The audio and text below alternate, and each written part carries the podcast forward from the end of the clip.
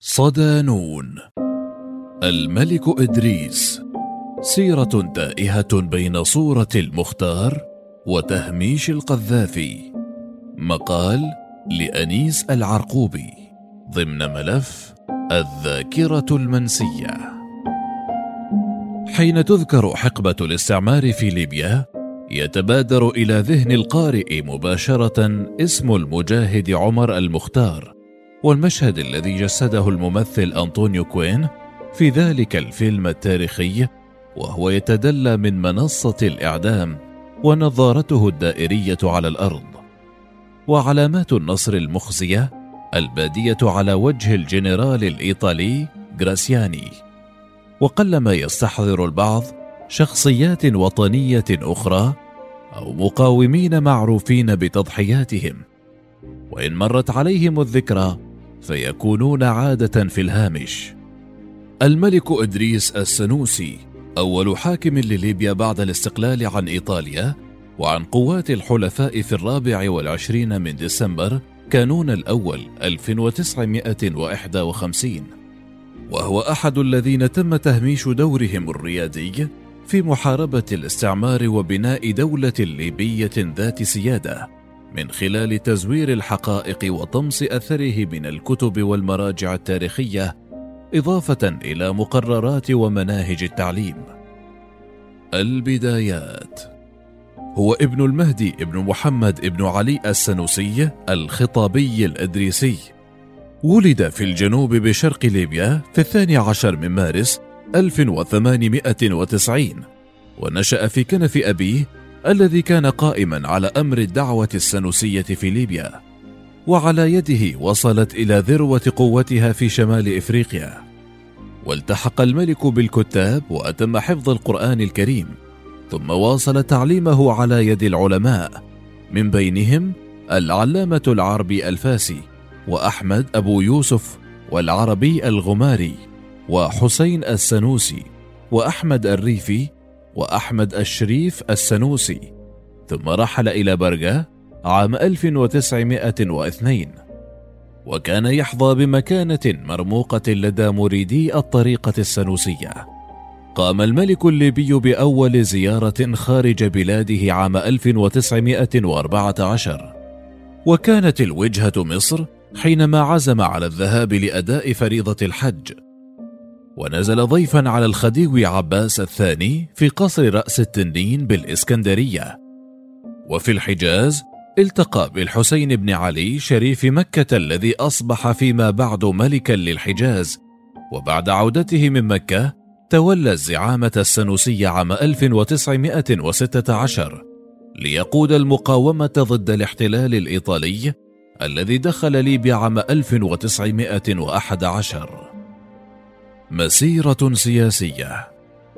بعد ترأسه الحركة السنوسية دخل الملك في النصف الثاني من عشرينيات القرن الماضي في مفاوضات مع الإيطاليين في زويتينا من يوليو إلى سبتمبر 1916 ومفاوضات في ضواحي مدينة طبرق منطقة عكرمة من يناير إلى أبريل 1917 ومفاوضات الرجمة عام 1914 وكان أهم شروطها الاعتراف بالسنوسي أميرا لإدارة الحكم الذاتي وتشمل واحات الجغبوب وجالو والكفرة ويكون مقرها في إجدابيا واتفاقية أبو مريم واجتماع إدريس السنوسي بوزير المستعمرات الإيطالية أمندولا عام 1922 لم تستمر حكومة إجدابيا طويلا لأن إيطاليا أرادت التخلص من اتفاقاتها وذلك بعد زحف أرتال الفاشيين إلى روما. فقرر إدريس السنوسي الرحيل إلى مصر وكلف شقيقه الأصغر محمد الرضا السنوسي وكيلا عنه على شؤون الحركة السنوسية في برقة وعين عمر المختار نائبا له وقائدا للجهاد العسكري في شهر نوفمبر 1922 في مارس 1923 سافر عمر المختار رفقة ثلة من الوطنيين أمثال علي باشا العبيدي وخالد الحمري وإبراهيم المصراتي ليعرض على الأمير محمد إدريس نتيجة عمله. واتفق الاثنان على تفاصيل الخطة التي يجب أن يتبعها المجاهدون في قتالهم ضد الطليان وتشكيل المعسكرات واختيار القيادات. وبموجب الاتفاق كلف المختار بالقيادة العسكرية فيما تزعم السنوسي العمل السياسي من مصر. وبعد إعدام عمر المختار واندلاع الحرب العالمية الثانية سنة 1939 راهن السنوسي على الحلفاء وأعلن فيما بعد انضمامه إليهم وعقد اتفاقا مع البريطانيين ودخل إلى ليبيا بجيش أسسه في المنفى الجيش السنوسي في التاسع من أغسطس 1940 لطرد الغزاة الإيطاليين. ومع انتهاء الحرب عاد الملك إلى بلاده في يوليو 1944 ودخلت ليبيا منذ ذلك التاريخ تحت حكم الإدارة البريطانية والفرنسية. عاد السنوسي إلى ليبيا بعد انتهاء الحرب بهزيمة إيطاليا وخروجها من ليبيا. وفي يوليو أصدر دستور برغا متضمنا 204 مادة منها كفل حرية العقيدة والفكر والمساواة بين الأهالي وحرية الملكية. كما نص على تأسيس حكومة دستورية قوامها مجلس نواب منتخب لتعلن روما اعترافها باستقلال ليبيا. عام 1946 وبعد تأسيس أول جمعية وطنية تمثل جميع الولايات الليبية برغا طرابلس فزان في الخامس والعشرين من نوفمبر 1950 أعلن إدريس من شرفة قصر المنار في مدينة بنغازي في الرابع والعشرين من ديسمبر 1951 الاستقلال وميلاد الدولة الليبية المستقلة وذات السيادة كنتيجة لجهاد الشعب واتخاذه لنفسه لقب ملك المملكة الليبية المتحدة وأنه سيمارس سلطاته وفقا لأحكام الدستور. بعد أن أعلن الملك إدريس السنوسي أن ليبيا أصبحت دولة ذات سيادة عقب إصدار الدستور انضمت إلى جامعة الدول العربية سنة 1953 وإلى هيئة الأمم المتحدة عام 1955 بناء الدولة. واجه الملك الليبي محمد بن إدريس السنوسي أكثر المراحل تعقيدا في تاريخ ليبيا الحديث إلا أن القاعدة الوطنية التي أرساها في بلاده من خلال مشروع بناء دولة موحدة تحافظ على قيمتها وتراثها ساعده على السير نحو التخلص من الاستعمار الإيطالي. لا يمكن بحال من الأحوال تصوير الوضع في ليبيا غداة الاستقلال على أنها مدينة أفلاطونية في عدلها ورخائها ونمائها. فأي دولة تخرج من بوتقة الاستعمار وأغلاله بحاجة إلى لملمة جراحها المعنوية من نزوح وضحايا ومفقودين وكذلك إعادة البناء بكل ما تطلبه من إمكانيات. ولكن الملك الليبي استطاع ولو جزئيا في غياب الموارد أن يقود مسار إحياء أسس الدولة الجديدة. عملت الدولة الوليدة على إحداث مؤسسات جديدة وتهيئة العمران وإعادة رصف الطرق التي دمرتها الحرب وتوطين السكان ومساعدة الأهالي على الاستقرار وإعمار المدن وتشجيع الإنتاج والصناعات الوطنية وتنميتها. وكذلك البدء في استغلال الثروات الطبيعية والاستفادة منها في بناء المؤسسات من خلال تأسيسه للمجلس القومي للتخطيط العام الذي وضع خطة خماسية للتنمية تهدف أساسا إلى تنمية الزراعة ومشاريع البنى التحتية. من جهة أخرى أولى الملك التعليم اهتماما خاصا من خلال تعريب المناهج وتوسيع العلوم والمعارف المقدمة وتنمية الخدمات في هذا المجال بأنواعها المختلفة وتشجيع تعليم البنات إضافة إلى إعداد معاهد للمعلمين وللمعلمات إضافة إلى إعداد معاهد للمعلمين والمعلمات وانتداب كوادر من فلسطين ومصر.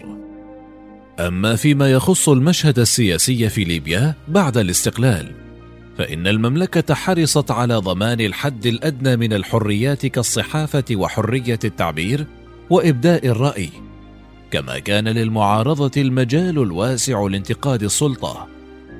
وكان تداول السلطة التنفيذية يتم بالطرق السلمية أحد عشر حكومة في ثمانية عشر عاما. من أقواله إن الحضارة التي يريد الإيطاليون إدخالها إلى بلادنا تجعل منا عبيدا للظروف ولذا وجب علينا أن نحاربهم. أنصح العرب الأشقاء بالتمسك بالدين الكامل والخلق الفاضل والاتحاد الشامل فلن يغلب شعب يحرص على هذه الأركان. الاتحاد العربي ضروري والعصبية العربية مشروعة ومعقولة شريطة ألا تتعارض مع الأخوة الإسلامية وألا تعتدي على حقوق الآخرين. الثورة الجزائرية. ركز الملك إدريس جهوده المادية والمعنوية لدعم ثورة الجزائر منذ اندلاعها في واحد من نوفمبر تشرين الثاني 1954 ضد المستعمر الفرنسي. وقد أثبتت الوثائق التاريخية جهوده العظيمة وأعماله القديرة في هذا الجانب حيث ذكر مصطفى ابن حليم في كتابه صفحات مطوية من تاريخ ليبيا السياسي ما يقيم الحجة والبرهان على صدق الملك إدريس لدعمه للثورة الجزائرية. وكانت ليبيا عبارة عن قاعدة خلفية ولوجستية للثورة الجزائرية يتدفق منها السلاح والعتاد إضافة إضافة إلى احتوائها على مراكز تدريب وإقامة خاصة لقادة جبهة التحرير وأمنت تنقلاتهم. وأكد رئيس الجزائر أحمد بن بله في مقابلة تلفزيونية أنه أجرى آنذاك اتصالات بالحكومة الليبية والفعاليات الشعبية وأن التعاون بينهم كان قائما مشيرا إلى أن المساعدات كانوا يتلقونها سرا فيما كان السلاح يدخل عن طريق تونس. واستقبل الملك الليبي أيضا أعضاء الحكومة المؤقتة الجزائرية في ليبيا سنة 1959 إضافة إلى فريق جبهة التحرير لكرة القدم. بعد انقلاب القذافي في الأول من سبتمبر أيلول 1969 استقر الملك في مصر ولم يغادرها إلا مرتين حج فيهما بيت الحرام إلى أن توفي في القاهرة في الخامس والعشرين من مايو 1983 وهو في سن الرابعة والسبعين ونقل جثمانه من القاهرة إلى المدينة المنورة ليدفن في البقيع بالمدينة المنورة. ودخلت ليبيا عصرا جديدا لا تعترف فيه الجماهيرية العظمى بالتعدد الحزبي أو الحريات، ولا تستوعب فيه الذاكرة التاريخية الجديدة سوى شخص واحد العقيد. شهادة بورقيبة لا يمكن الحديث عن دور الملك إدريس دون استحضار حادثة البالمريوم الشهيرة التي يعرفها التونسيون والليبيون جيدا حين أشاد الزعيم التونسي الحبيب بورقيبة بالملك إدريس السنوسي وعدد مناقبه وفضائله على الحركة الوطنية ومسار الاستقلال عن الاحتلال الإيطالي في حضرة العقيد. كان معمر القذافي يلقي خطابا حماسيا بالبالماريوم أبرز قاعات السينما في العاصمة التونسية فيما كان بورقيبة مريضا ولكنه يستمع عبر المذياع إلى ضيفه الذي أطنب في الحديث عن الوحدة. فسارع إلى مكان الاجتماع وأخذ الكلمة قائلا لم أكن أنوي إلقاء خطاب مثل العادة لكن ما دمت مسؤولا عن هذه الدولة والمسؤولية لم تحملني بثورة مسلحة أو بانتفاضه القذافي بل رغما عن أنفي بعد كفاح دام ما يقرب من نصف قرن مشيدا بدور إدريس السنوسي في استمالة البريطانيين والتحالف معهم ضد الإيطاليين شريطة التصويت لليبيا لنيل استقلالها. وفي ذات الاجتماع سخر بورقيبة من دعوة معمر القذافي للوحدة مع تونس مذكرا إياه بالتجارب العربية الفاشلة كوحدة سوريا ومصر القذافي والمختار. وفي هذا السياق قال الكاتب الصحفي الليبي عصام الزبير في حديث لنون بوست إن القذافي حاول صياغة التاريخ من جديد وأضفى عليه مشاهد غير حاضرة وحاول إخفاء بعض الأحداث والحقائق من أجل إثارة النزعات بين القبائل. فقام بإخفاء عدد من الشخصيات المجاهدة للغزو الطلياني الفاشستي. مضيفا لقد أخفى تاريخ الملك الذي يعتبر من المؤسسين لمنظمة الوحدة الإفريقية. وحاول بكل قوة طمس صورة إدريس رحمه الله من المنظمة في إثيوبيا. وبذلك سعى بقوة لتغير الاسم إلى الاتحاد الإفريقي حتى يغير تاريخها. وأشار الزبير إلى أن القذافي ركز على أن ليبيا ملكية فاسدة متناسيا أن في تلك الفترة كان يوجد بها دستور وقوانين. وقام بتغيير العلم والنشيد الرسمي للبلاد وألغى الدستور وقلب ليبيا إلى فوضى باسم شرعية الثورة واستبدل القوانين باللجان الشعبية.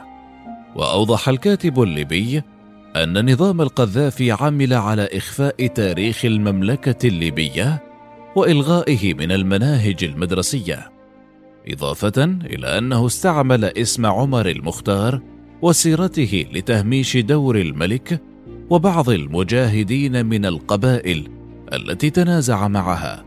متابعا نظام القذافي لعب على نفسية المواطن الليبي المتدين ومدى تعلقه بالمقاومة والجهاد ودفع بسيرة المجاهد لضرب أي وجود للملك في حين أنهما كانا على نفس النهج والطريقة. ويتهم نظام العقيد بتزوير تاريخ الرجل واتهامه بالعمالة والخيانة وعمل على تلطيخ صورته في عقول الأجيال التي لم تنشأ في تلك الفترة. وهو ما ساهم في تهميش شخصية وطنية وإلغائها من الذاكرة التاريخية ومناهجها وبرامجها التعليمية. إضافة إلى طمس دوره السياسي فيما كشف الصادق شكري في مقال سابق أن الانقلابيين أي القذافي استولوا على مذكرات الملك المسجلة في مفكراته الشخصية وفبركوا يومياته وملاحظاته وخواطره التي وجدوها في المفكرات قصص وحكايات ووضعوها في مجلد أسموه حقيقة إدريس وثائق وصور وأسرار. وصدرت طبعه المجلد الأولى في بداية السبعينات والثانية عام 1983 وأشار إلى أن نظام القذافي وضع ما جاء في مفكرات الملك من تسجيلات في سياقات أريد من ورائها تشويه سيرة الملك وعهده. الملك الولي. انتماء الملك الليبي إلى الطريقة السنوسية الصوفية دفع معاصريه من الموالين له والمعارضين إلى رؤيته من هذا الجانب. وبذلك تعسر الأمر على كتاب التاريخ والمؤرخين دراسة هذه الشخصية بصفة واقعية تضمن له حقه التاريخي كونه رجل دولة بامتياز وصاحب رؤية سياسية تنم عن معرفة ودراية بالتحولات الجيوسياسية التي تعيشها المنطقة في تلك الفترة. ومن هذا الجانب يقول الباحث الليبي محمد المفتي إن صورة الملك إدريس السنوسي بين معاصريه سواء كانوا خصومه أم مناصريه تتفاوت في التعليل والأحكام. وأن أغلبية العامة رأته أقرب إلى نموذج الولي الصالح الذي جاء بالفرج. في حين تباينت النظرة إليه على المستوى السياسي فوقف أنصاره بين الولاء أو المصلحة واعترف له المحنكون بواقعيته ومهارته في استثمار الأحداث. ويعود حصر الليبيين لتاريخ الملك إدريس في الطريقة السنوسية والصوفية إلى العامل النفسي وشخصية الأفراد في تلك الحقبة الليبي المتدين التي تميل مع الرموز الدينية كالجهاد ومقاومة محتل كعمر المختار. وبالتالي فهي لا تولي اهتماما للشخصيات السياسية أو السلطة التي يمثلها الملك السنوسي. بالمحصلة عرفت ليبيا منذ فترة ما قبل الاستعمار إلى الاستقلال وانقلاب العقيد القذافي ديناميكية كبيرة على مستوى الأحداث لم تسايرها حركة بحثية تكشف خفايا تلك الحقبة وتؤرخ ذلك المسار وفق أدوات علمية تستند لمصادر ووثائق رسمية وشهادات لشخصيات عايشت الوقائع. لكشف الحقائق وإنصاف من ظلمهم التاريخ كالحركة السنوسية التي أرادها القذافي أن تكون خلال فترة حكمه جزءا عابرا من التاريخ. فهل ستنصف ثورة السابع عشر من فبراير المنسيين من الحركة الوطنية وتعيد لهم الاعتبار؟